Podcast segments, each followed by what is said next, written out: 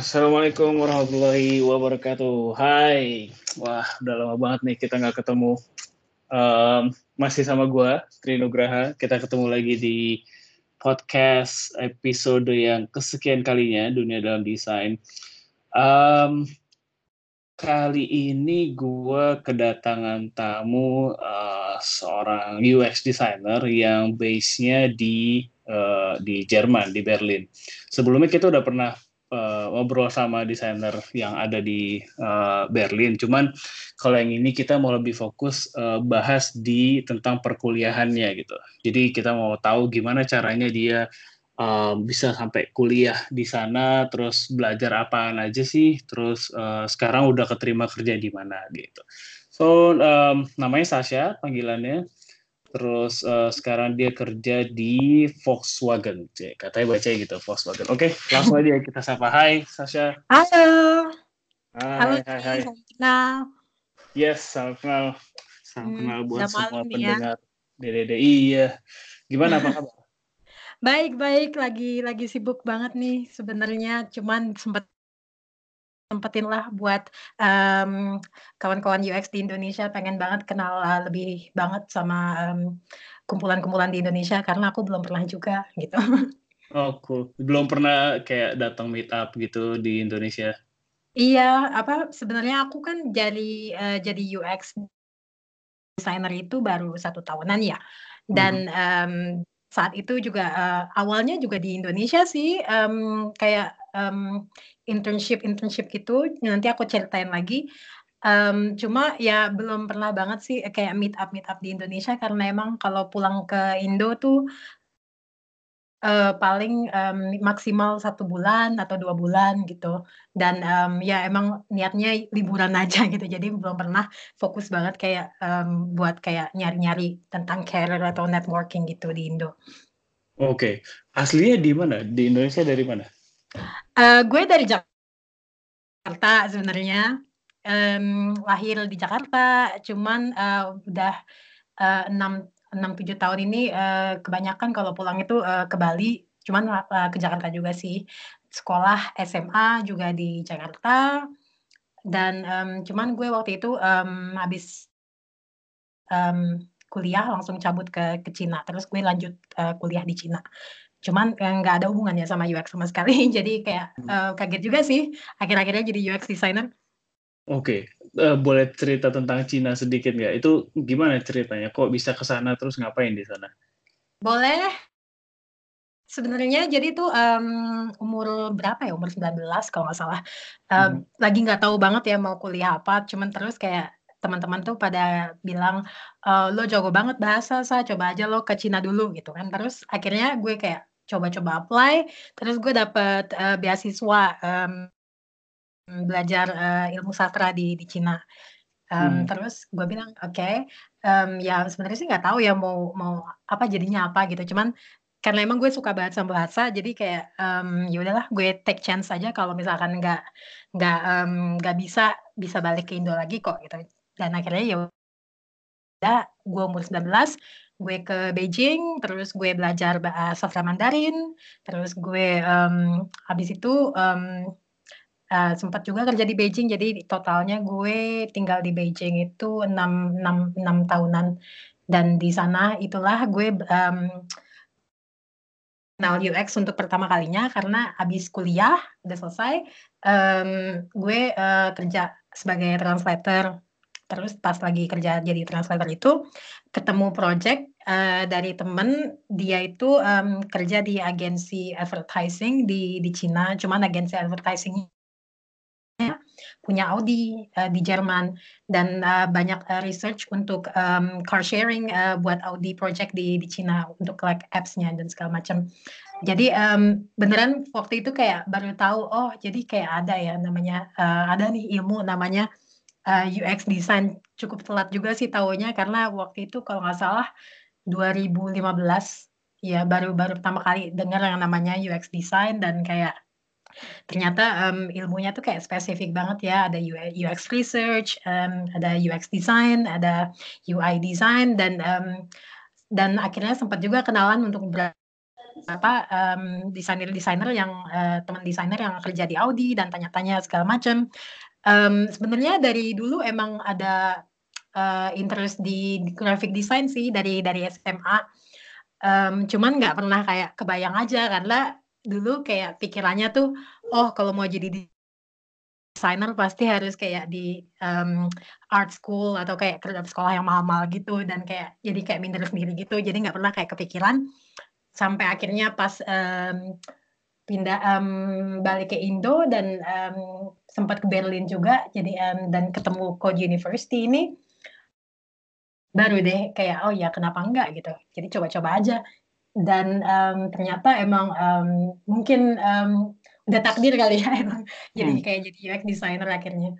I see. Um, berarti pas dari 19 tahun itu uh, lu nggak langsung kuliah ya? Maksudnya ke ke China itu uh, belajar bahasa terus kerja. I mean nggak ada pendidikan formal kuliah berarti ya di sana? Um, ada kok. Jadi kayak belajar bahasanya satu tahun, terus habis itu um, gue um, jurusan ilmu Mandarin, jadi kayak ilmu sastra Mandarin gitu. Oh, Jadi oh, berarti jadi, ada, ya. ada ada kampusnya ya? Gen, ya, ya. Um, terus kayak um, ya udah lulus kayak kuliah sastra Mandarin dan sebenarnya emang kayak by profession itu gue lebih translator sama uh, digital marketing um, content writer in Chinese gitu.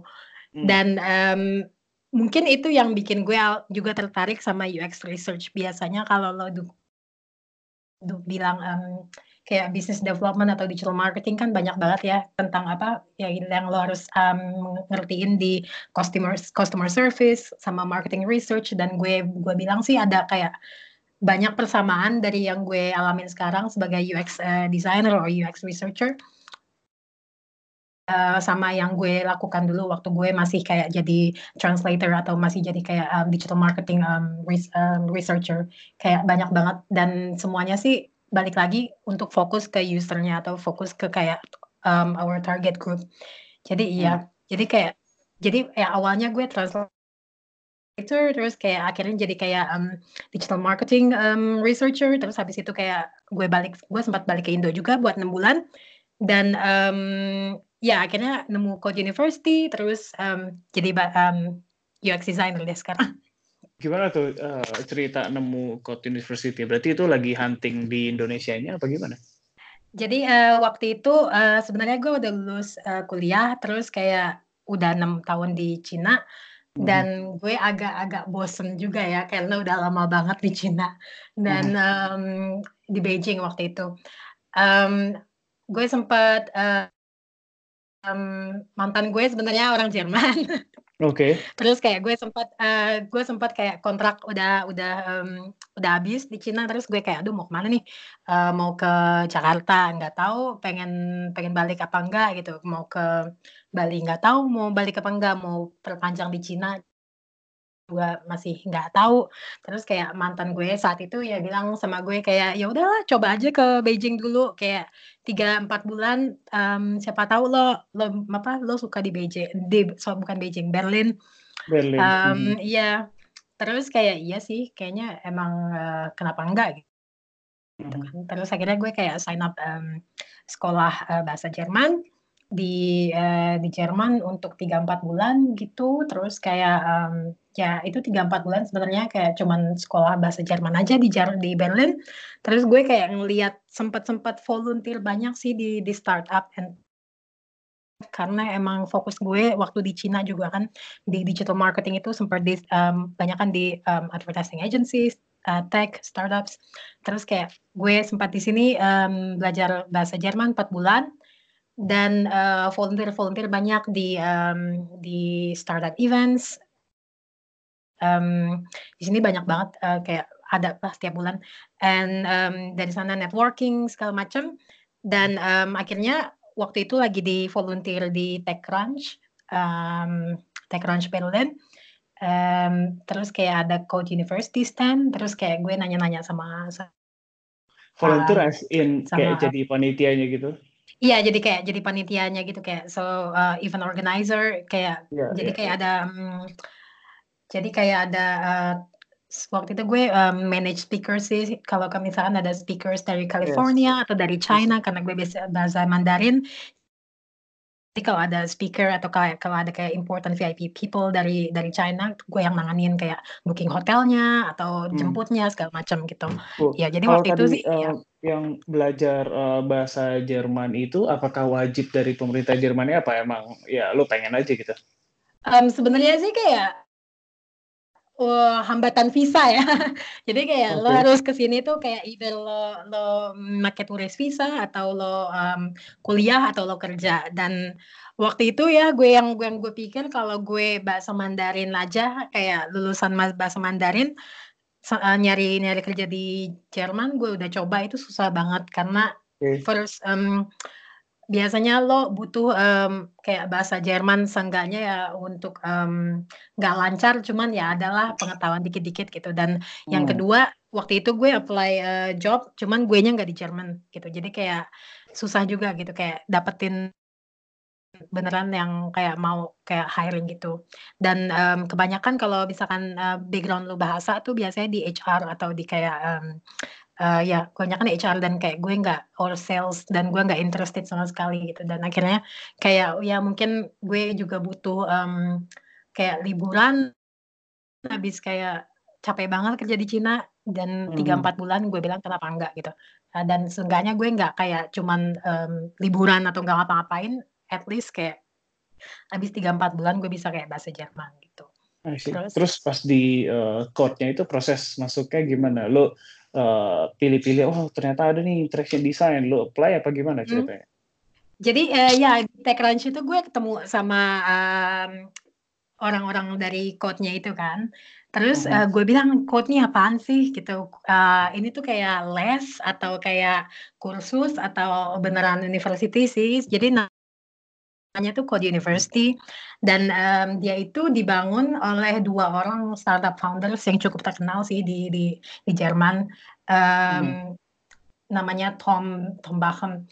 Jadi eh, mungkin nanti em, gue bisa em, kasih lihat em, Si eh, foundernya si websitenya. code-nya. Iya. Oh cool. Dia Jadi kayak startup namanya dia Tom Bachem university. and Iya, ya. Jadi kayak dia mereka itu tiga orang em, tiga orang sahabat dari kuliah ya dari zaman kuliah dan mereka itu emang em, bikin startup sendiri dulunya. Dan kenapa si Tom ini eh, bikin eh, universitas? Karena dia dulu pikir waktu dia em, dia backgroundnya em, software eh, engineering. Waktu dia belajar software engineering itu kayak teori banget dan dan emang waktu lo kerja atau lo mau bikin startup itu memang kayak lo beneran dilepas dan lo nggak tahu sama sekali tentang apa pun Hmm. kecuali software engineering gitu ya nggak sih dan emang Hmm. kenyataannya em, kalau habis kuliah gitu kan em, mau kerja juga biasanya juga bingung kan karena sebenarnya kuliah itu apa sih Em, ulangan exam tes Iya. em, teori teori teori tes teori teori Teorinya tes yang udah bertahun-tahun lalu juga lagi. Iya, iya, dan udah bertahun-tahun lalu dan emang emang bener sih dan akhirnya kayak banyak kan orang juga kayak jobless lah habis habis kuliah di Indonesia banyak banget kan kayak oke S1 S2 cuman akhir-akhirnya kayak kerja juga nggak dapet gitu kan dan itulah yang on kenapa on code? Em, beda banget sih kalau di code. Em, eh, code ini baru baru dua baru ada dua ini dua tahunan tiga tahun Dua lah. angkatan lah ya. Ini untuk ya dua angkatan ya. Gue angkatan kedua. Jadi eh, bukan sebelumnya em, sebelumnya baru ada satu angkatan kayak 100 orangan sekarang udah 200 orang Hmm. dan eh, tahun ini mungkin kayak 300 400 orang kayaknya udah double up banyak banget. Mhm. Dan em, gue waktu itu orang Indonesia pertama ya di Code, jadi gue seneng banget. Sekarang udah see. ada lagi, em, udah ada em, beberapa yang udah di di accept gitu dari dari Indonesia, mungkin udah ada lima orangan kali ya. Iya. Yang masukin Dan lo lagi. hah? Iya iya bener kok, bener. Eh, jadi kayak ya si- marketing sistemnya terus masukin orang ya. nggak dibayar loh. Oh gitu ya. Sistemnya sistemnya terbuka banget sih. Jadi kayak uh, what is a project based learning basically. Jadi kayak Tom itu kan uh, startup founder dan dia punya networking koneksi banyak banget di Europe di di Berlin Ya. in general and di di di Europe dan um, jadi kayak Code kerjasama sama companies companies kayak um, tadi yang gue udah bilang kayak Facebook, Porsche, um, for, uh, even Volkswagen too. Um, jadi kayak lo bakalan dikasih project. Jadi kayak di awal semester uh, bakalan ada beberapa project, kayak maybe 20 project yang lo bisa pilih. Dan dalam satu semester itu lo cuma ngerjain project ini dan lo kayak belajar sambil praktis. Jadi kayak lo mau jadi UX designer, um, ya lo lo cuman butuh belajar fokus sama skill-skill yang lo butuhin untuk yang untuk kerjain project ini. Jadi kayak kayak praktikal banget sih. Uh, jadi kayak misalkan kalau misalkan tugas gue, uh, misalkan nih gue di Porsche, kita mau bikin uh, car sharing dan gue UX researcher, jadi kayak dari dari situ ada beberapa modul yang harus gue komplit untuk kayak akhir di akhir semester gue gue proof ke profesor gue kalau nih nih gue udah ngerjain project ini uh, selama enam bulan ini skill yang gue pelajari karena gue berhasil membuat sesuatu di dalam project ini jadi kayak kayak lebih um, of course ada exam ada tes ada um, ada kayak you have to prove your skill cuman kayak kayak praktikal banget sih dan kayak emang lo nggak bakalan disuruh uh, belajar sesuatu yang lo nggak mau belajar gitu. Hmm, hmm. menarik. Terus um, itu berarti satu semester satu project, right? enam bulan berarti gitu ya? Mm-hmm. Uh, jadi um, itu kerjanya per per kelompok atau sendiri apa gimana? Iya, jadi kayak mereka itu kayak beneran uh, mengadapt uh, sistem startup gitu sih. Jadi uh-huh. kalau gue selalu um, describe ke people ya ke ke orang, gue selalu bilang ini kayak startup incubator. Jadi kayak bahkan kayak hmm kalau lo kalau lo even if you have idea dan lo nggak punya tim, lo bisa kayak apply um, project ini as a as a as a as a real project. Jadi kayak ide lo tuh lo bisa applyin di di uh, daftar project dan kalau orang interested di di ide lo dan mereka uh, lo bisa bikin tim sendiri gitu. Lo nggak harus kerja sama Facebook, lo nggak harus kerja sama Porsche. Of course it it will be good for your name. Kayak it's it's uh, it kayak buat CV bagus lah. Cuman kalau emang um, dari awal semester, dari awal lo gabung di code lo udah tahu kayak oke, okay, gue mau jadi startup founder, gue punya ide dan um, gue cuman butuh support-support dari orang sekelas se sekumpulan gue gitu. Dan gue lo bisa dari awal semester kayak oke okay, ini ide gue, ini company yang gue pengen bikin, gue cuma butuh uh, orang sama um, if kalau lo suka mau ide gue lo boleh gabung gue dan dan selama tiga tahun lo bisa kok kayak um, kerja di, di di di project yang sama gitu. Jadi banyak sih hmm. teman-teman gue yang sekarang udah semester 4, gue udah gue semester 2 sekarang.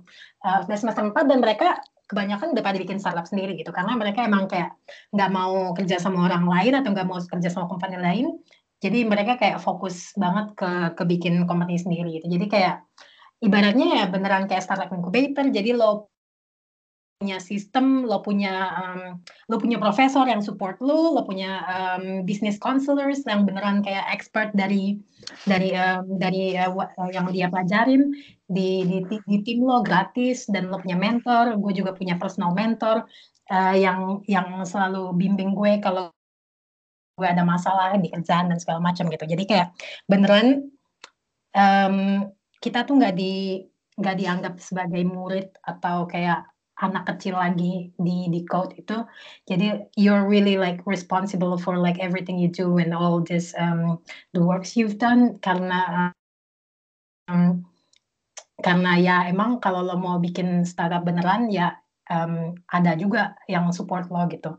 Jadi ya jadi kayak kebanyakan sih teman-teman gue pada bikin startup. Cuman kalau gue kayaknya gue lagi um, gue lagi mengeksplor kayak um, industri mana sih yang sebenarnya gue pengen uh, dalamin di di UX design gitu. Or maybe cool. at ya kayak mungkin at the end bahkan um, gue juga nggak tahu ya gimana nanti. Cuman hmm.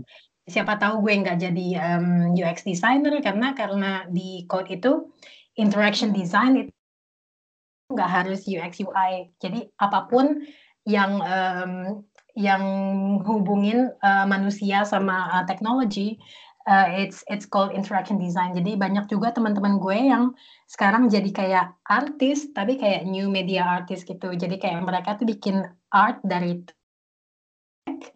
dan um, di Berlin ini lagi lagi hype banget sih sebenarnya.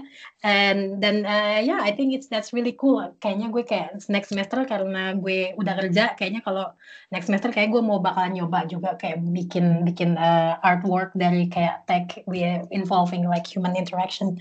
Dan dan dan lo dan yang yang yang uh, bagusnya sih kayak um, profesor tuh support banget ide-ide yang kayak yang kayak gini gitu ide-ide baru gitu. Hmm, cool. Jadi um, actually lu belum lulus kuliah ya technically ya? Technically belum kalau.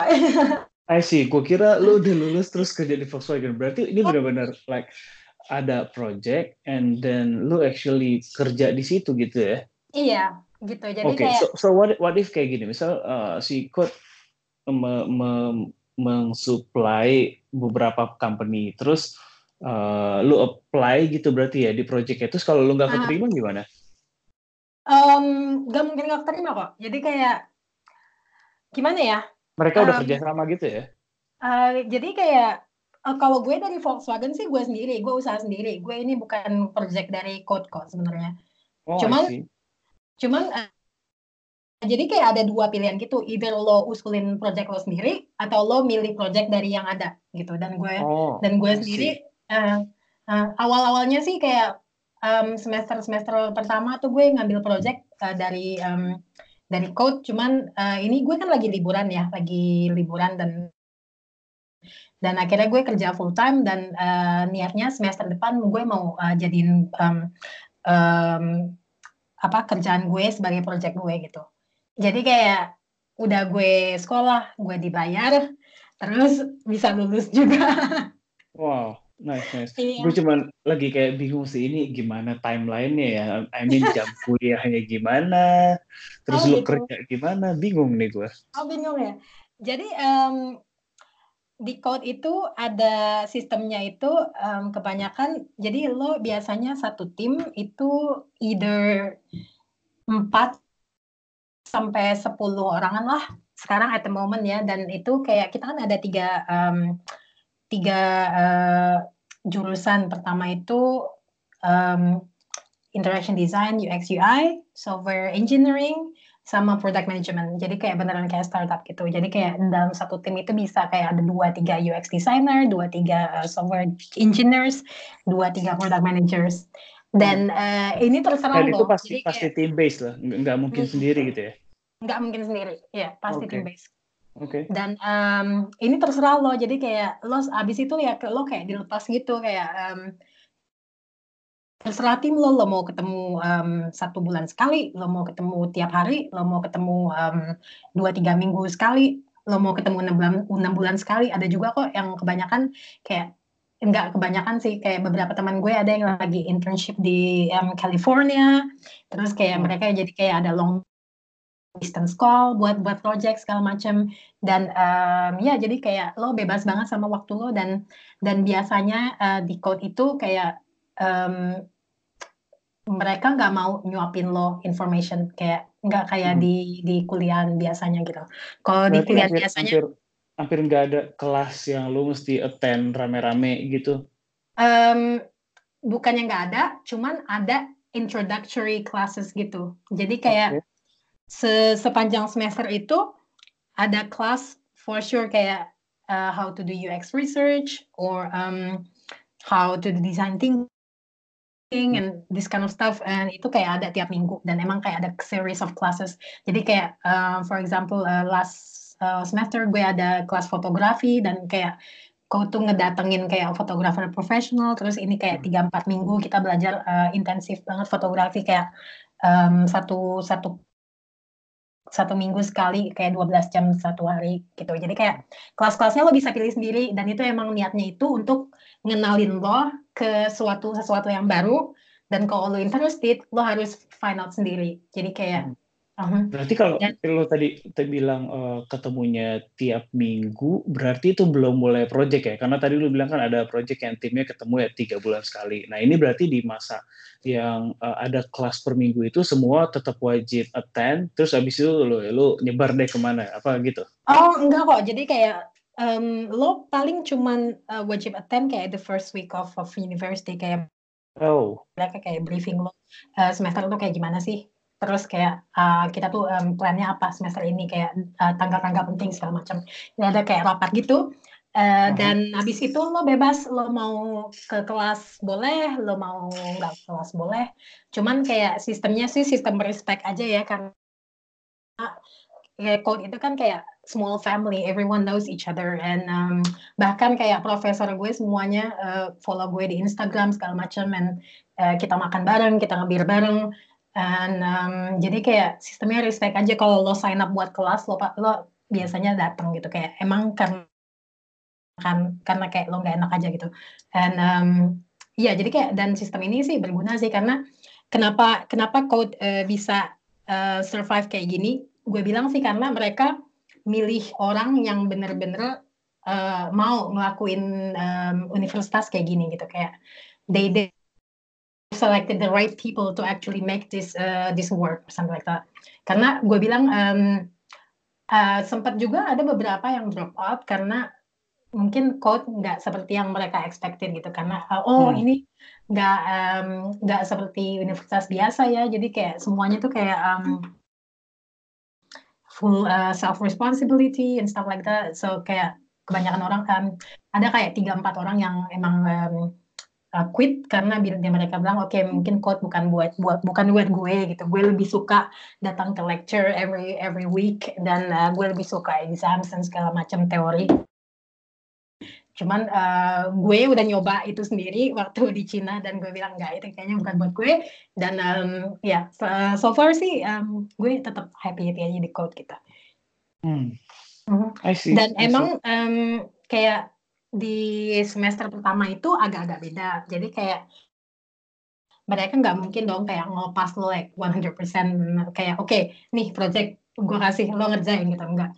Jadi kayak um, waktu lo apply di code lo mau um, kayak lo bisa milih kayak oke okay, lo mau jurusan apa gitu dan gue emang gue udah tahu gue mau uh, jurusan UX design cuman banyak juga orang-orang yang kayak uh, masih belum tahu mau belajar apa gitu yang penting di tech um, jadi kayak di semester utama itu semua murid harus nyoba jadi um, jadi uh, ju, um, satu jurusan. Jadi ada tiga jadi ada tiga project di di semester pertama dan itu setiap project itu cuma kayak dua bulan satu setengah bulanan dan di satu setengah bulan ini lo harus nyoba uh, satu kali jadi software engineer satu kali jadi product manager satu kali jadi interaction designer. Jadi kayak di semester kedua lo udah yakin lo mau jadi apa gitu.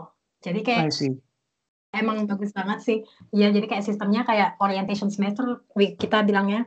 Dan um, di orientation ini gue juga penyoba jadi software engineer one time gue nyoba jadi product manager one time dan akhirnya gue uh, pas di semester kedua gue decide oke okay, gue mau jadi UX designer gitu. Tapi emang oh. bagus juga sih. Dan pas gue tanya kenapa sih um, ada sistem kayak gini?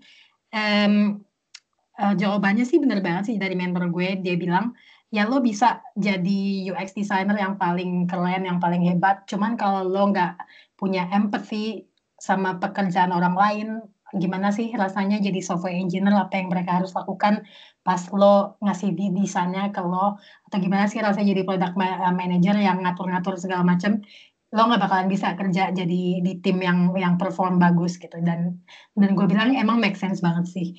Dan um, that's a really good uh, philosophy I think. Yes ya. Yeah.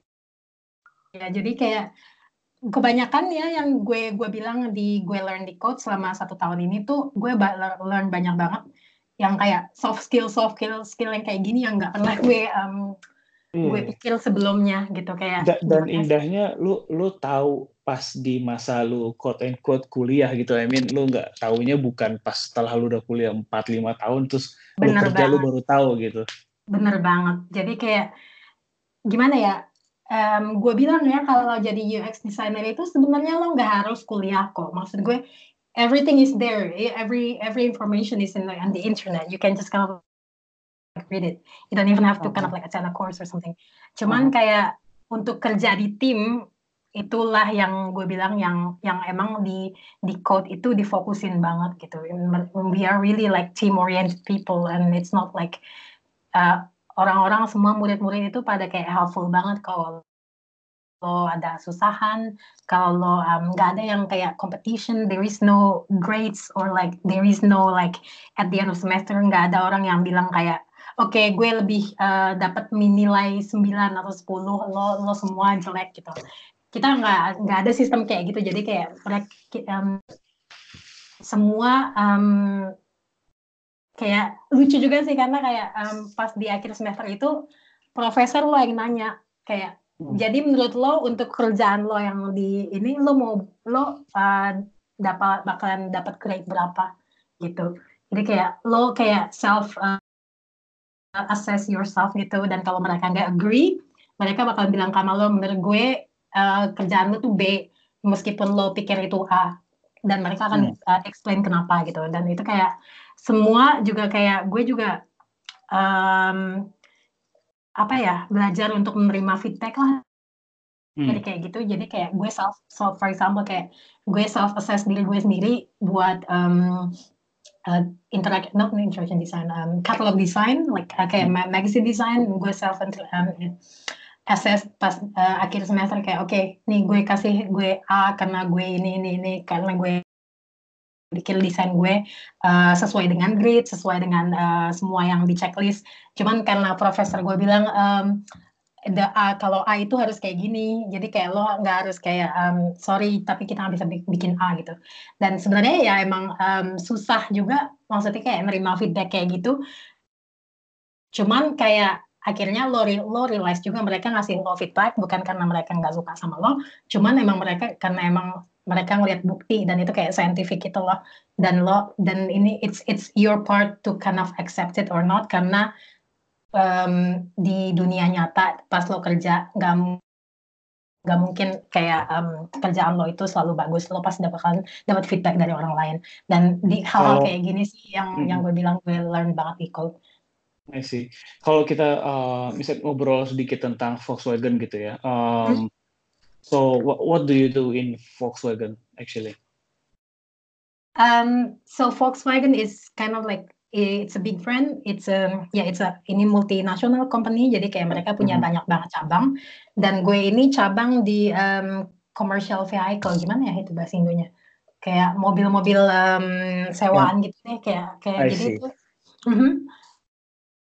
Dan, then. Um, fokus gue sekarang ini gue lagi bikin uh, gue di tim namanya Fleet Rate F L E E T R A T.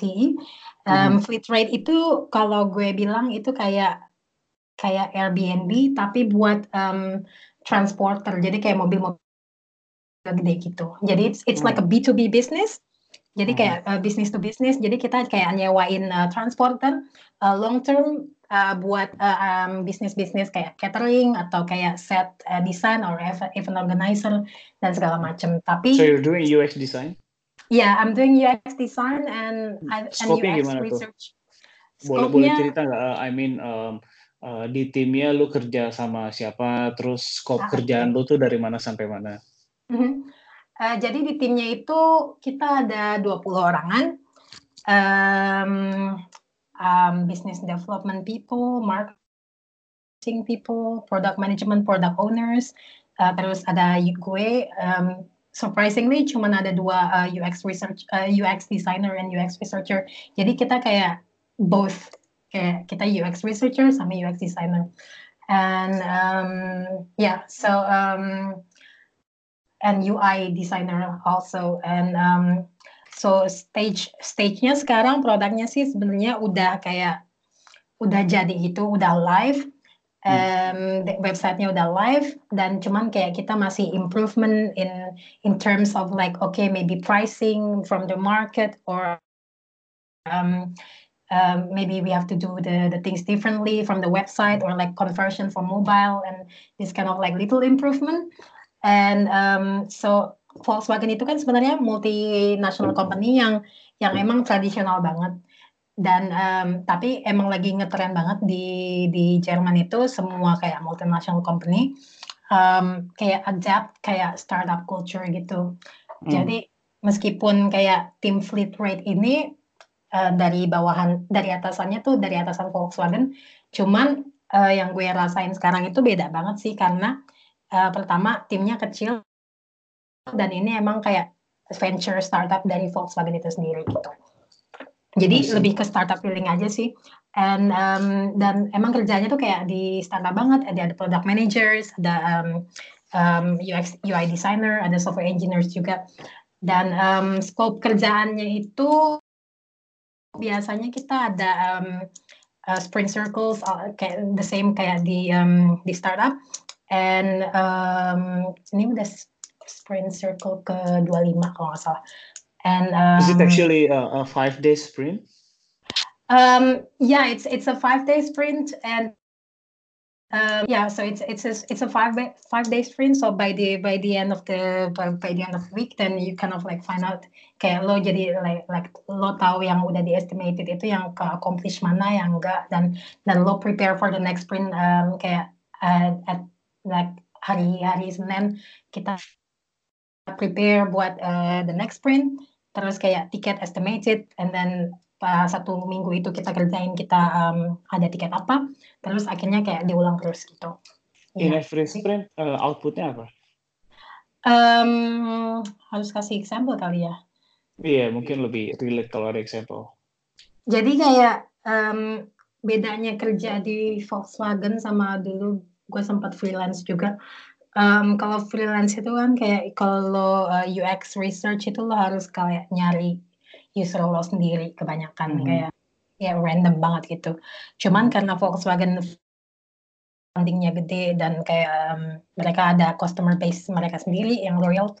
Um, kita tiap dua minggu itu ada um, ini yang lagi gue kerjain hari ini um, ada We Forum gitu. We Forum itu kayak user test forum di mana semua uh, user yang udah di organisasi ini bakal datang ke suatu tempat dan ada beberapa startup dari Volkswagen, maybe ada 10 different startup including tim gue yang bakal datang ke sana dan kayak uh, dan akhirnya kita bakalan mutusin suatu tema yang kita mau tes gitu. Jadi for example this week um, temanya gue um, sprint tema gue uh, minggu ini untuk um, check out flow. Jadi kayak um, kita ada mobile checkout flow. Jadi kayak dari landing page, pas people, pas orang-orang melihat uh, mobilnya, sampai akhirnya mereka um, mereka uh, bayar dan mereka um, Oke. mereka bayar dan mereka kayak masuk gitu ya.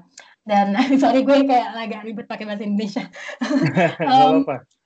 Terus kayak um, jadi ya karena mereka um, sebenarnya ini kayak feedback dari sprint dua minggu lalu. Dari um, jadi kayak kita udah user test sama um, sama um, prototipe kita yang lama dan kebanyakan uh, user udah ngasih feedback kayak oke mereka nggak suka um, mereka nggak suka kalau misalkan mereka disuruh pilih uh, extra option dulu terus daftar terus uh, bayar. Atau mereka nggak suka kayak um, harus login di komputer dulu baru bayar segala macam. Jadi kayak dan um, yang gue tes hari besok itu jadi kayak um, um, prototype baru dari landing page uh, terus kayak register terus kayak confirmation email terus um, pilih uh, ekstra apa yang lo mau Hmm. di di um, car lo di ya di transporter lo terus um, bayar dan um, uh, ya dashboard cuman uh, hipotesisnya sih yang mau dites contohnya um, apa benar user itu harus um, di Jerman? Karena kayak di different culture different trust issue juga ya. Di Jerman Hmm. itu kebanyakan orang nggak mau check check out payment pakai mobile. Ini yang kita mau tes besok. Apa benar user itu? Ya jadi kayak kita bikin hipotesis atau apa benar kalau harga kita itu kemahalan. Kalau uh, in terms of research, um, is it all, uh, semuanya kualitatif atau ada kuantitatif juga? um, kebanyakan sih kualitatif ya ya Hmm, Oke. kuantitatif jarang juga Hmm. Oke. Jadi kayak um, user pas user interview itu kebanyakan juga orang-orang yang dipilih itu yang emang udah uh, tahu banget uh, tentang um, produk bukan produk kita cuman kayak tahu banget tentang industri ini gitu. Jadi kayak either mereka beneran business owner or either mereka beneran kayak di di beneran udah selama ini nyewa um, transporter cuman offline segala macam Hmm. Jadi kayak kita kita fokus banget ke qualitative research dan emang dari orang-orang yang udah industri uh, industri knowledge-nya udah lumayan gitu. Oke, okay. Menurut lo selama uh, beberapa bulan kerja di Volkswagen, uh, apa sih bedanya yang bikin berbeda antara company di sana sama di sini, atau mungkin company lo yang sekarang dibanding company lain di Jerman? Ada nggak sih bedanya? Uh, bedanya itu kalau di sini di Jerman itu banyak banget sih sebenarnya. Yang pertama dari bahasa juga uh, gue uh, setiap hari kalau di sini di di kantor biasanya pakai bahasa Jerman dan uh, kerja juga biasanya bahasa Jerman um, dan user test juga bahasa Jerman jadi kayak gue jadi beneran beda beda kalau kayak di Belanda kan mother tongue-nya masih bahasa Inggris gitu ya kalau di sana yeah. benar Jerman yeah. ya Jerman banget sih di sini karena emang orangnya kebiasaan juga kalau nonton film pakai bahasa Jerman segala macam pakai bahasa hmm. Jerman jadi kayak it it will be really helpful if you can speak German also, but tapi kayak di Berlin juga trennya sekarang kebanyakan startup juga pakai bahasa Inggris. Cuman karena produk gue ini kan kayak fokus banget ke uh, konsumer yang kebanyakan orang Jerman asli, drivers, hmm. sama hmm. umurnya juga agak-agak lebih 30 ke atas karena jadi mereka ya? bisnis ya? gitu. Iya, jadi kayak dan emang mereka bilang dari awal kayak lo kalau mau kerja di tim ini kayaknya lo harus bisa bahasa Jerman karena user testnya pun pakai bahasa Jerman gitu nggak ada pilihan lain. Jadi menurut gue sih itu yang gue bilang gue baru di Jerman sekarang satu setengah tahun dan challenge-nya tuh gede banget dari dari bahasa itu sendiri. Dan even though kan kayak tim gue juga bisa bahasa Inggris dan mereka bahasa Inggrisnya lancar banget cuman kayak gue berusaha banget sih kalau kalau di di kantor itu kalau orang biasanya uh, biar gue gampang gitu kan. Mereka kayak ngomong sama gue pakai bahasa Inggris gitu kayak teman-teman gue di kantor. Cuman kayak gue bilang tolong dong jangan pakai bahasa Inggris karena gue mau karena gue mau apa bahasa Jerman gue lebih bagus. Practice. jadi kayak mm-hmm. uh, iya jadi kayak dan mereka lebih appreciate juga sih kayak um, kayak kalau lo mau belajar bahasa Jerman gitu. Cuman kayak biasanya kalau rapat bos gue uh, eh, PM gue project manager gue juga kayak nanya gue gitu selalu hari ini mau pakai bahasa Jerman bahasa Inggris oh, kayak kadang-kadang emang kayak kayak kalau kalau kalau ini kayak susah banget gitu kayak kayak nah. mereka kayak oke bahasa Inggris saja hari ini gitu. Cuman kayak lama-lama sih udah sekarang gue udah dua tiga bulan di Volkswagen udah udah biasa pakai bahasa Jerman. Dan gue bilang ya udahlah gue mau continue pakai bahasa Jerman. Kayak ini udah user test ke 6 gue so far um, pakai bahasa Jerman. Dan um, kayak awal-awalnya tuh kayak aduh susah banget. Kayak um, um, harus nyiapin questionnaire di bahasa Jerman, terus kayak hmm. harus ngomong di pip sama user usernya pakai bahasa Jerman gitu. Cuman akhirnya kayak lama-lama biasa dan dan emang gue emang kebanyakan mungkin orang bilang gue emang orangnya nekat gitu kayak just do it banget gitu aja kayak hmm. project apa um, beneran project based banget jadi kayak gue hmm. emang kayak nyemplung dulu kalau susah baru uh, cari jawaban gitu jadi kayak ya, But but just uh, do it aja dan akhirnya juga bisa kok. Apa? Yeah. But do you like it so far uh, working in a German company atau bekerja di Jerman sejauh ini suka atau gimana? Sebenarnya ada pro-nya, ada kontranya juga sih kayak hmm.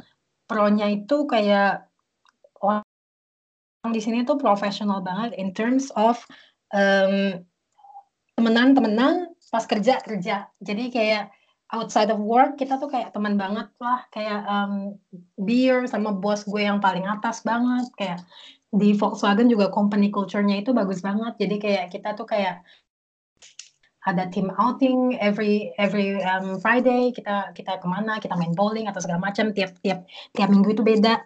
Terus kayak ada um, team building uh, sport every Thursday sama setiap uh, Selasa sama Kamis, breakfast setiap hari um, hari ini hari hari Rabu. Hmm.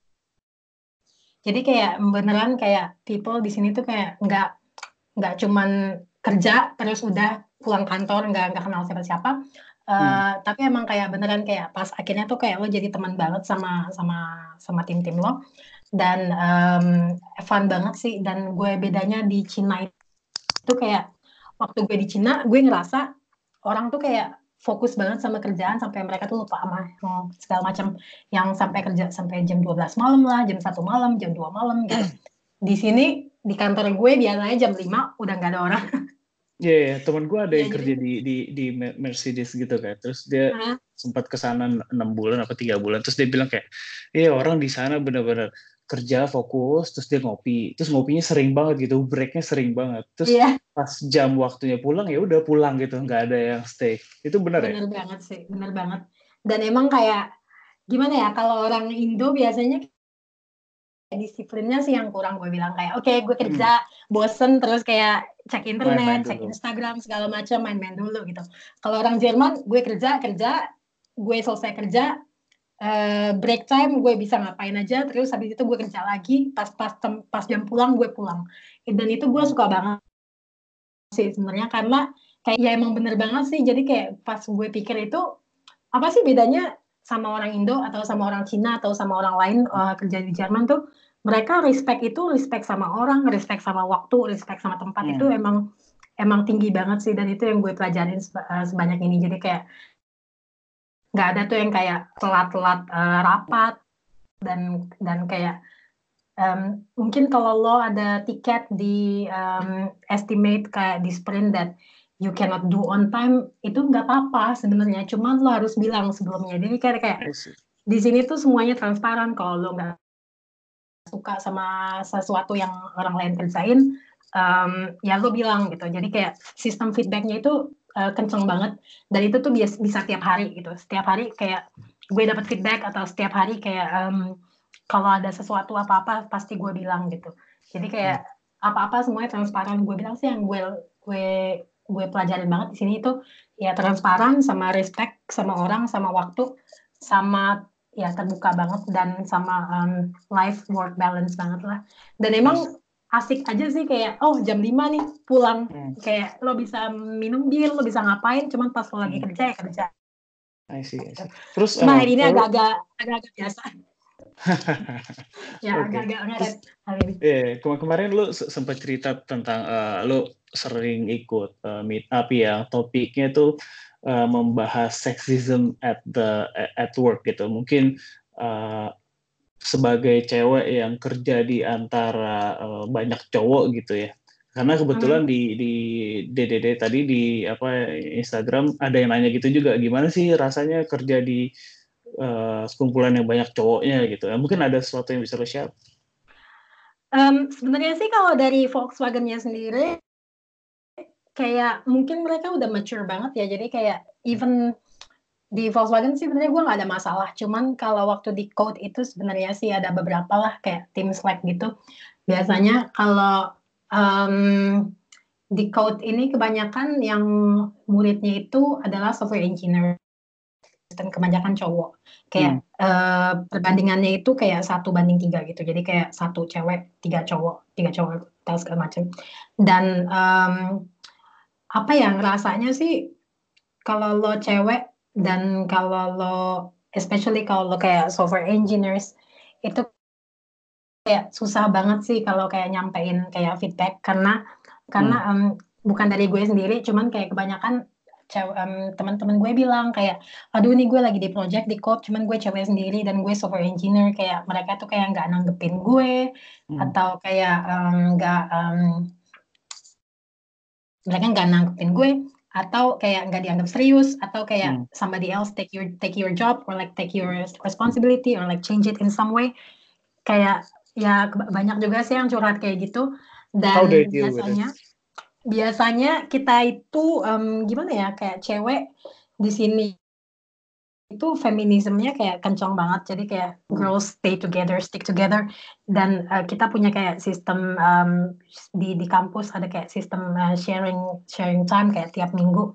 Kalau mau datang kayak cewek-cewek tuh um, sharing. Dan biasanya dari situ juga ada gurunya juga. Jadi kayak ada mentor gitu. Dan um, dan kebanyakan juga kita bikin uh, open discussion sama sama um, sama uh, orang-orang yang menurut lo um, uh, agak-agak underestimate lo atau as as a woman gitu. Gue pernah hmm. juga sih waktu gue di um, semester pertama gue kerja sebagai um, software engineer kan buat satu satu um, satu eh, bukan product manager gitu buat satu um, satu produk di di code terus um, yang lain itu semuanya cowok. Dan um, ini tuh susah banget ya manage cowok-cowok ini.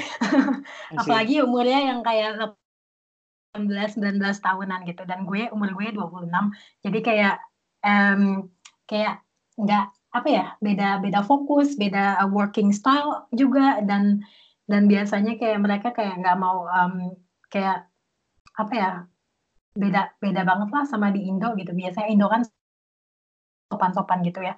Kalau di sana hmm. kayak um, di sini kayak kalau lo nggak suka sama sesuatu itu terbuka banget.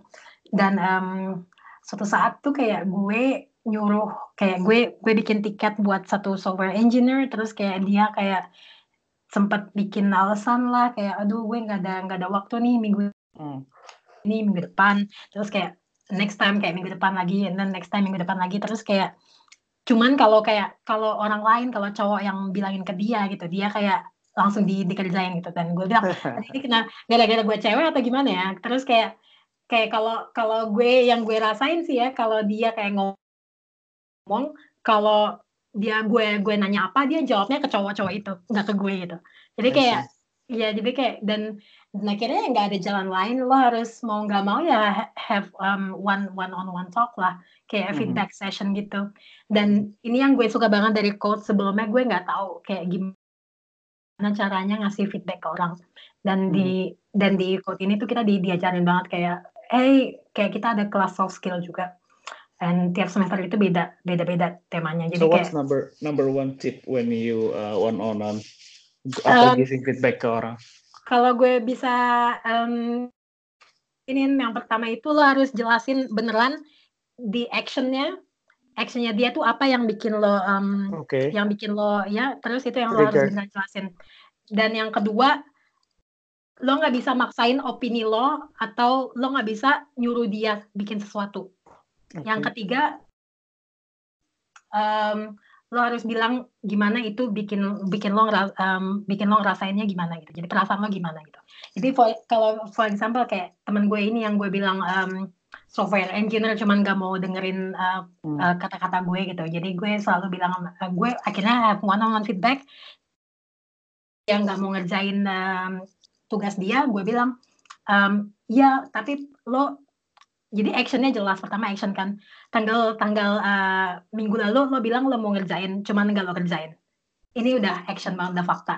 Terus lo cuman bilang uh, dan itu rasanya buat gue itu rasanya kayak um, jadi hambatan banget. Dan udah stop gitu aja. Jadi kayak lo nggak lo nggak lo nggak harus bilang kayak lo harus kerjain sekarang gitu. Jadi kayak feedback itu sebenarnya tuh untuk nyampein uh, action dari dari itunya dan gimana itu membuat lo ngerasa gitu jadi kayak lo nggak nggak hmm. harus kayak lo harus begini lo harus begitu gitu karena semakin lo paksa um, orang itu semakin dia uh, balik ke defense mode gitu jadi kayak ya jadi kayak action and how it makes you feel kayak gitu sih. Hmm. Oke, okay. cool. Oke, okay. um, kita boleh masuk ke Q&A sedikit nggak ya dari anak-anak uh, followersnya dunia dalam desain nih? Boleh. Um, coba ya, gue pilih-pilih dulu. Um, saat ini yang lagi tren di Jerman itu company tech company lebih ke mana? Is it fintech, edutech, or any industry? Um, kalau gue bilang sih um, lebih ke uh, food tech kali ya, karena banyak hmm. banget sekarang yang uh, especially in Berlin kayak people looking for like alternative for like um, meat. Jadi kayak banyak banget company yang create um, for example insects um, something like that. Jadi kayak beneran hmm. kayak combination between environmental sama sama food tech itu lagi ngetren banget sekarang. Dan teman juga, gue ada ada ada yang kerja di uh, Jerman di di food juga. Jadi dia konsepnya oh, ya? uh, lo lo subscription, terus setiap minggu lo dikasih bahan-bahan gitu sama resepnya, tapi lo suruh bikin sendiri gitu. Ah iya, ini kayaknya lagi lagi banyak juga dan kayak. Iya itu kayaknya gede banget, tapi gue lupa apa sih. Uh, dan ada juga kayak um, semacam kayak um, sharing economy jadi kayak orang-orang tuh ngasih kayak fridge full of food go to companies B2B terus kayak subscription base gitu. Itu juga lagi banyak ngetren banget. Dan emang kayak healthy healthy living healthy eating lagi lagi ngetren banget di Jerman. Dan gue bilang kalau teknologi sih kayak lagi masih uh, ngetren banget machine learning sih kalau kalau hmm. di sini. Cuman kalau gue bilang di di Jerman kalau gue compare ke Cina ya itu Cina itu lebih fast forwardnya itu lebih lebih cepet banget dari dari di Jerman gitu kayak kalau gue banding bandingin sih kalau di sini kayak di sini tuh kalau lo punya ide kayak dapat funding tuh kayak susah banget dan kayak hmm. untuk yakinin user kalau lo kayak karena mereka kayak fokus banget ke data privacy segala macam hmm. jadi kayak lo kalau lo mau nyoba ide baru tuh menurut gue ya kalau bikin startup lebih bagus di Indonesia atau di Cina. I see. Itu sih yang gue pikir karena karena user atau customer-nya tuh lebih kayak welcome gitu to to kind of like new new technologies. Di di Jerman itu sebenarnya kebanyakan ide-ide bagus tuh banyak. Cuman untuk ngetesnya itu kayak mereka harus lari ke negara lain karena sulit ya. Ya karena sulit dari dari law-nya sendiri atau dari um, dari konsumernya sendiri gitu ya. Okay. di, so, di di Volkswagen gue juga sempat banget banyak kayak masalah data privacy segala macam hmm. itu yang beneran kita fokusin banget untuk bikin transparan. Uh, terus um, ada lagi yang nanya kayak uh, kalau mau jadi UI UX designer di Jerman gitu in general um, seberapa berpengalaman sih lo harus uh, punya gitu kayak misalnya is it fresh graduate yang mentah banget bisa masuk atau yang harus udah punya portfolio bagus atau gimana? Um, sebenarnya sih nggak harus juga ya. Gue gue aja masih di masih kuliah aja sekarang gue, gue udah kerja gitu. Jadi kayak hmm, um, tapi pas lo masuk ada portfolio or or not? Gue gue beneran kayak nggak ada website. Sekarang website gue juga masih kayak masih belum gue bikin. Karena gue gue gue mau bikin website gue kayak gue gue hard code sendiri. Cuman kayak gue hmm. masih belum ada waktu. Dan gue nggak ada website. Uh, websitenya masih kayak baru banget. Dan waktu itu gue cuma nekat aja kayak um, ngirim PDF 20 lembar ke uh, yang gue kirimin ke lo itu. Jadi kayak cuma itu hmm. aja kok. Dan itu semua kayak projectnya tuh dari coach gitu. Dan dan hmm. um, awalnya juga nggak um, tahu ya tergantung sih. Kadang-kadang ada juga yang kayak lo nggak harus ngasih um, uh, CV atau lo nggak harus ngasih kayak lo udah kerja di mana-mana. Cuman kayak lo dikasih challenge kayak design challenge. Jadi kalau lo bisa ngerjain ini lo mungkin bisa ke tahap selanjutnya interview terus habis itu keterima Gitu. Tergantung company-nya sih, ya. Kebanyakan dari temen gue yang gue tahu kayak either it's design challenge or you prove your password gitu. Jadi kayak lo bahkan gak harus kayak um, punya kayak design uh, degree or something. Hmm. Cuman kayak kalau lo asal lo bisa buktiin kalau lo bisa ngerjain yang lo bisa, kenapa okay. enggak gitu. Hmm. Oke, okay, cool. Nah, terus ada yang menyinggung masalah biaya nih. Um, bisa cerita gak sih buat misalnya ya we Indonesian as in average person um, mm. seperti apa sih gambaran keluar duitnya di sana itu pas lo mungkin pas di Code University-nya how mm. how expensive or how not uh. expensive terus misalnya life lo pas lo kerja uh, mungkin lo bayar rent makan mm. itu seperti mm. apa lo bisa hmm. kasih sedikit gambaran ya? Bisa sih um, jadi kayak gue di Code ini juga kenapa gue suka banget sama Code? Karena dia itu ngasih gue chance untuk um, sekolah uh, ke, uh, kuliah gitu di di di Jerman. Pas gue lagi kayak nggak ada duit banget. Kayak hmm. waktu itu kayak um, gue um, uang gue habis buat um, uh, belajar bahasa di Jerman. Dan gue kayak waktu itu juga pas apply code gue sih gue balik ke Jakarta sempet enam bulan karena gue beneran nggak tahu kayak mau balik lagi ke Berlin apa enggak dan di code itu kita ada sistem fair namanya. Jadi kayak um, lo kuliah di sini um, bisa nggak bayar dulu. Cuman abis itu um, abis lo lulus um, lo bakalan ke binding sama kontrak. Jadi kayak kalau lo earn uh, di atas uh, 21 euro per 21 ribu euro per tahun mereka bakal potong gaji lo um, 10% dari 21 euro itu. Atau kalau lo akhirnya kayak 50 ribu euro per tahun mereka potong 10% dari dari dari gaji lo itu.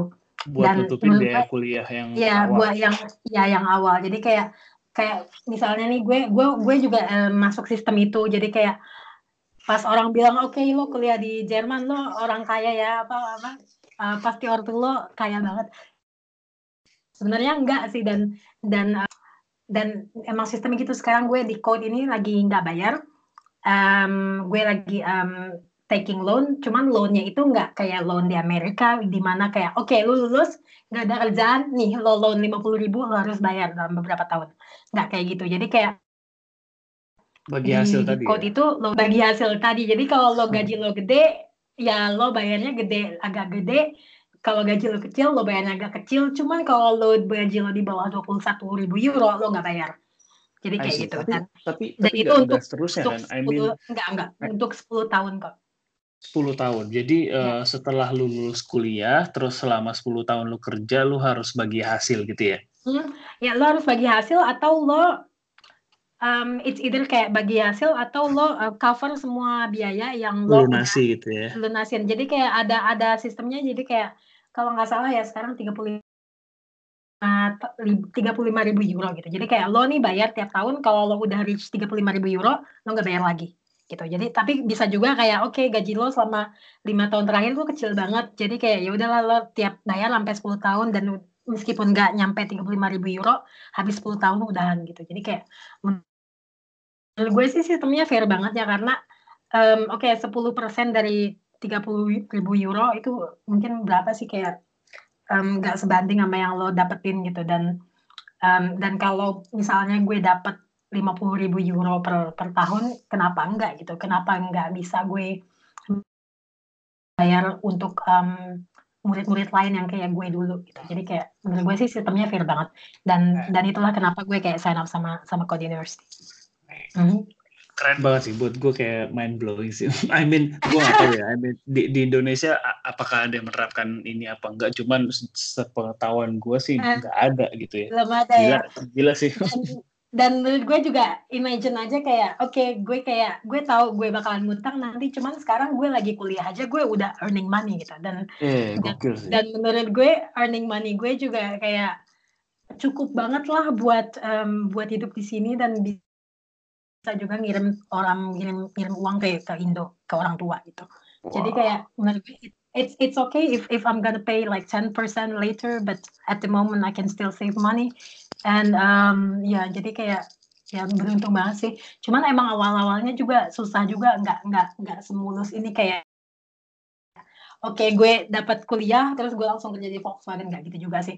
Kayak waktu gue sempat pertama-tama kayak semester pertama tuh gue sempat kerja di kafe kerja di bar gue hmm. kerjain apa aja yang bisa gue kerjain selama ini bisa nutupin gue gitu. Jadi kayak emang kalau mau kayak oh kerja eh, bukan kerja apa kuliah di luar negeri asik ya. Cuman uh, kelihatannya aja sih asik cuman emang sebenarnya kerja keras juga gitu apalagi kalau hmm. misalkan lo kayak gue yang lo nggak mau minta or apa duit dari orang tua itu ya lo harus kerja keras gitu ibaratnya hmm. hmm. sih ya usaha tidak membohongi hasil ya yeah.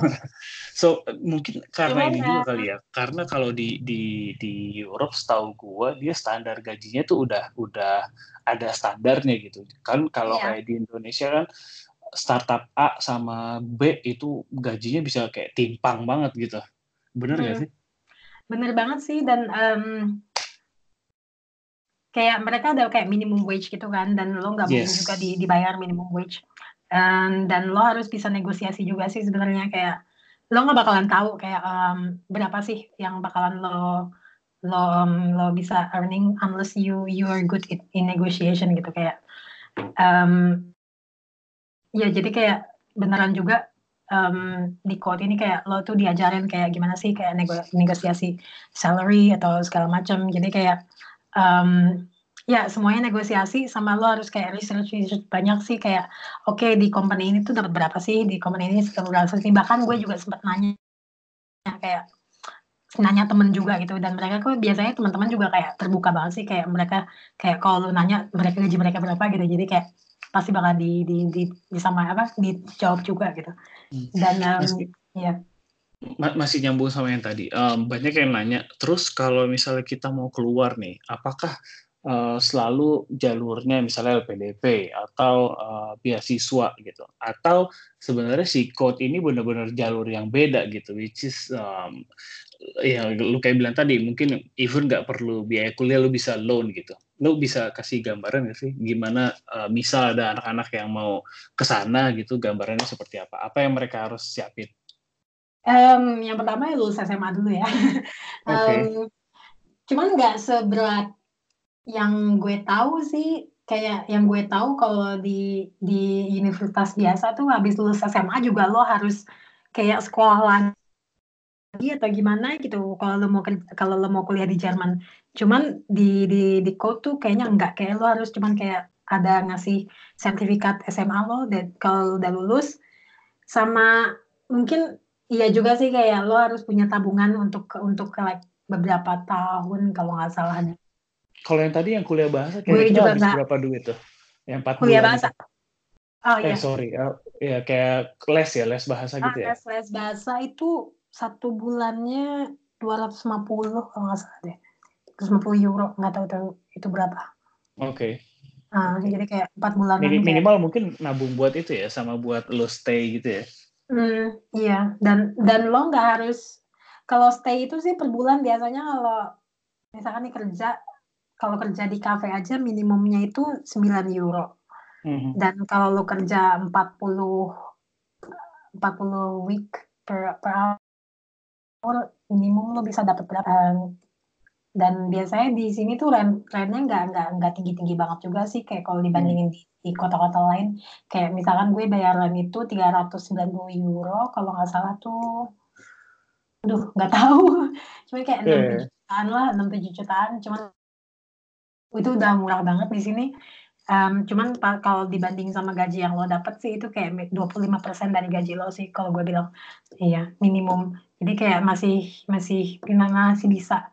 Cuman yang gue saranin buat um, orang-orang yang mau uh, kuliah di sini um, gimana ya? Either lo datang sini um, cari kerja dulu atau um, even like kayak dapetin visa buat kerja dulu atau kayak belajar bahasa dulu gitu. Jadi kayak tergantung hmm. sih gimana gimana lo mau ngatur finance-nya gitu. Cuman uh. emang ada beberapa um, rules di Germany kayak kayak um, satu untuk secure student visa lo lo at least harus punya kayak deposit berapa gitu dan itu yang yang pas susah banget sih. Pas lo awal ke sana visanya visa visa apa ya? Uh, gue visanya visa belajar, visa belajar bahasa. Terus gue hmm. Gue dan terus gue ganti. Hmm. Dan um, Diganti, jadi visa sebenarnya enggak sebenarnya sih uh, gue ada ada sesuatu personal yang gue mau ceritain. Um, sebenarnya sih gue nikah, cuman gue nikah sama temen sendiri. Oke. Okay. Jadi kayak biar gue bisa stay di Jerman kayak aduh gampangnya gimana ya. Jadi kayak gue gue nikah sama sama teman gue sendiri. Jadi kayak dan akhirnya gue kayak dapat KTP Jerman dan dan dari situlah gue nggak harus um, ada deposit segala macam gitu. Jadi kayak gue bisa oh, bolak balik wow. um, uh, sorry ini nikahnya nikah beneran apa? Enggak nikah nikah um, nikah sipil sih kayak kayak cuma tanda tangan doang. Jadi, oh jadi lu tercatat menikah tapi sebenarnya enggak ya, gitu? Enggak ya terus sebenarnya enggak cuman tercatatnya kayak menikah dan dan oh, bukan enggak harus nikah juga sih kayak di sini kan kayak ada LGBT segala macam gitu. Dan uh. lo kalau lo temen lo kayak sejenis dan memang kayak banyak gue nggak gue cuman ada juga teman-teman gue yang freelancer banyak juga yang yang nikah sama best friendnya sendiri. Karena kayak uh, istilahnya partner gitu biar bisa mereka bisa tinggal di Jerman. Dan sebenarnya ini kayak loophole wall um, low banget sih. Jadi kayak lo bisa um, lo bisa stay di sini tanpa kayak harus um, harus uh, worry kayak visa gue gimana atau lo harus punya deposit segala macam. Gila, iya. berarti life hack banget ya ini bocoran kelas dunia Cuma banget. Ya. Cuman emang kayak sebenarnya kayak dari code sendiri mereka juga bakal provide student visa, cuman karena gue pikir aduh gampangan pakai pakai gampangan nikah tinggal tanda tangan doang tinggal nyari nyari temen buat nikah kenapa enggak gitu dan akhirnya akhirnya gue bilang terus enggak, enggak ada yang ngecek juga lo tinggal bareng apa enggak gitu ya?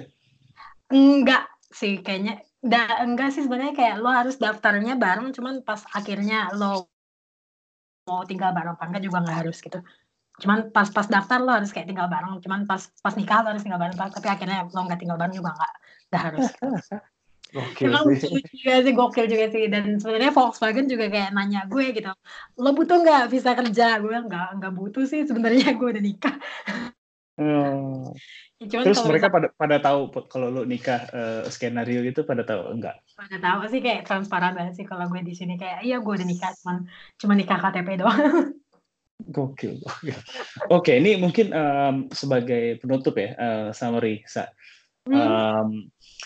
Eh, apa ya? Mungkin tips eh, tahu beberapa wejangan buat anak-anak yang eh, teman-teman yang kira-kira mau nyoba ke sana gitu. Selain yang tadi lo bilang em, eh, eh, reserve some money gitu ya buat bertahan di sana di awal-awal. Selain itu eh, apa aja sih yang mesti mereka siapin dan eh ya buat bekal mereka lah. Ada yang bisa lo share nggak? yang yang gue bilang sih beneran di plan bener-bener gitu. Karena lo nggak mau kayak lo udah nyampe di sini tahu taunya lo nggak eh, nggak suka lah atau gimana. Atau em, beneran nanya sama temen lo yang udah di Jerman gimana sih rasanya? Karena menurut gue kayak eh, semakin banyak lo konsultasi ke orang semakin tahu lah lo lo gimana sih rasanya kayak tinggal di di luar negeri. Apalagi kalau misalkan lo belum pernah tinggal di di luar negeri atau belum pernah eh, tinggal tanpa orang tua sebelumnya gitu. Karena di sini kalau sakit kalau ada apa-apa semuanya harus bisa sendiri kan. Jadi kayak mulai dari jar dari di Indonya tuh kayak belajar mandiri eh di sendiri. Itu penting banget. Dan yang kedua hmm, apa ya? Beneran bikin plan kayak oke kayak lo mau tinggal di sini berapa tahun apa yang mau lo capai di sini em, dan em, kayak beneran ke plan kayak lo em, covering biaya hidup lo gimana gitu. Jadi kayak planning planning banget sih semuanya. Kayak sebelum gue balik lagi ke Jerman tuh semuanya udah gue plan. Bener-bener jadi kayak pas gue datang ke sini gue nggak nggak shock lagi gitu. Jadi lebih ke planningnya sih.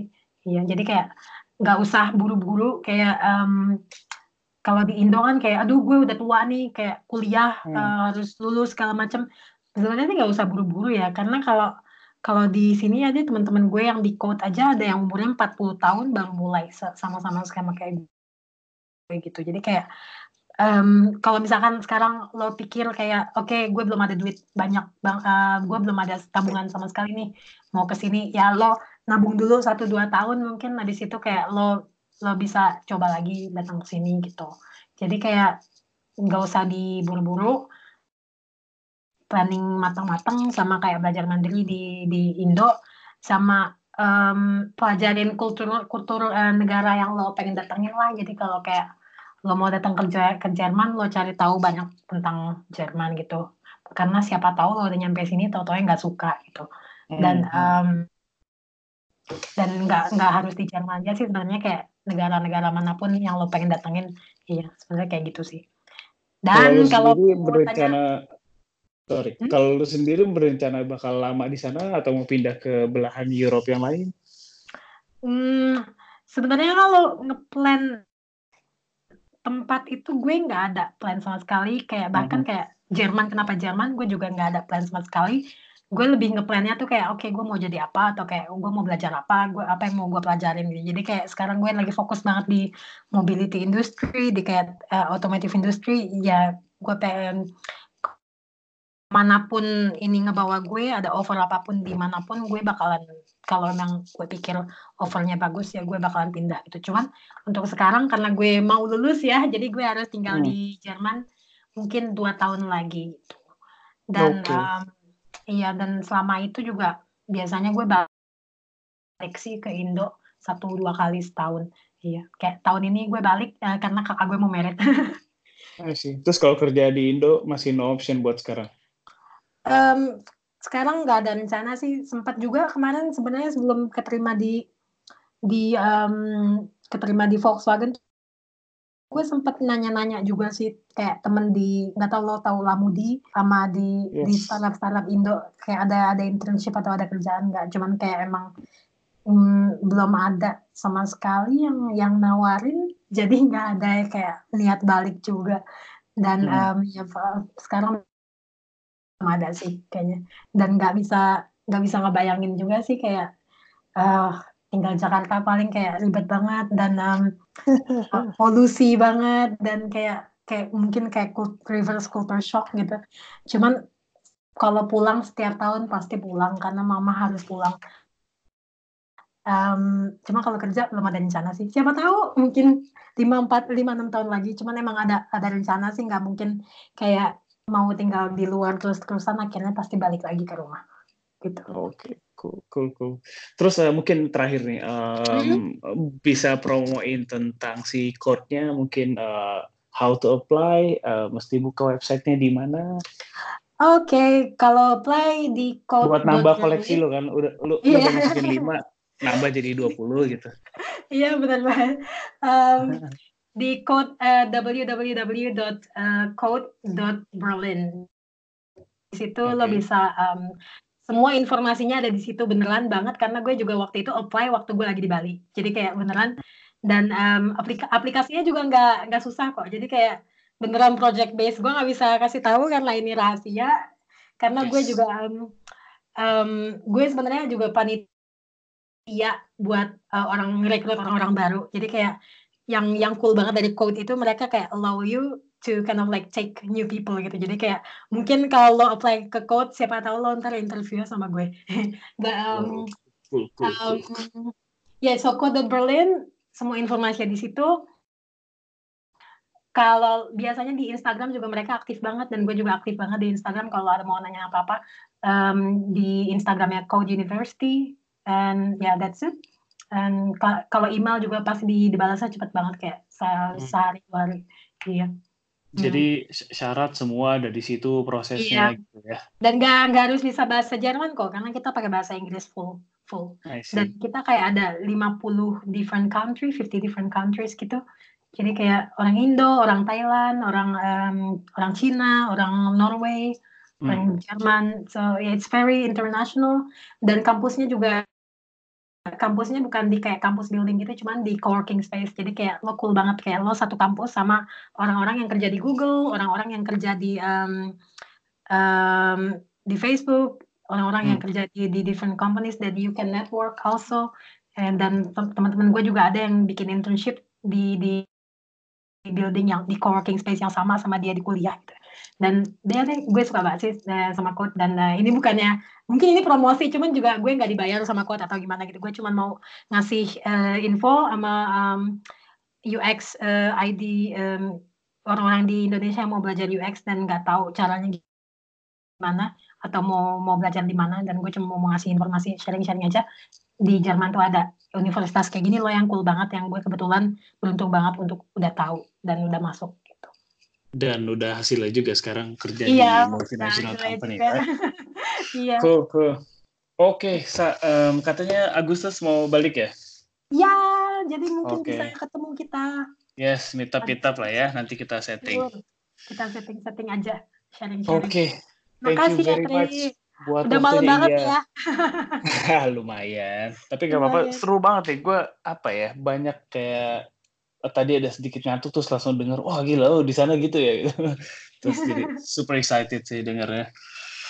Iya, makasih banyak ya. Sip, thank you. Uh, okay. Sampai ketemu lagi. Ya, ya bye-bye. Bye. Oke, okay, uh, eh, itu obrolan gua sama Sasha.